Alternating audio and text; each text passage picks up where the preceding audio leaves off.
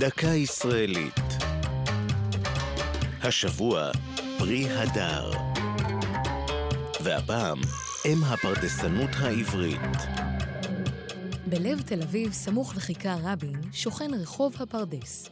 שם הרחוב הוא העדות היחידה שנותרה למטע פירות ההדר העברי הראשון. את פרדס התפוזים, ששכן בשטח שבו מתנשא היום בניין עיריית תל אביב-יפו, נטע דוד דוב פלמן, שעלה ארצה ב-1883 ממזריץ' שבפולין.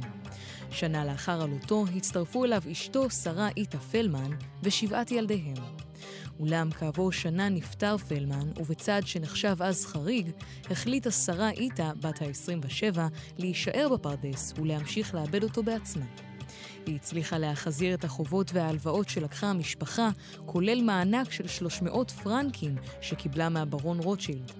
הפרדס זכה להצלחה ושמה של משפחת הפרדסנים נודע בכל הארץ.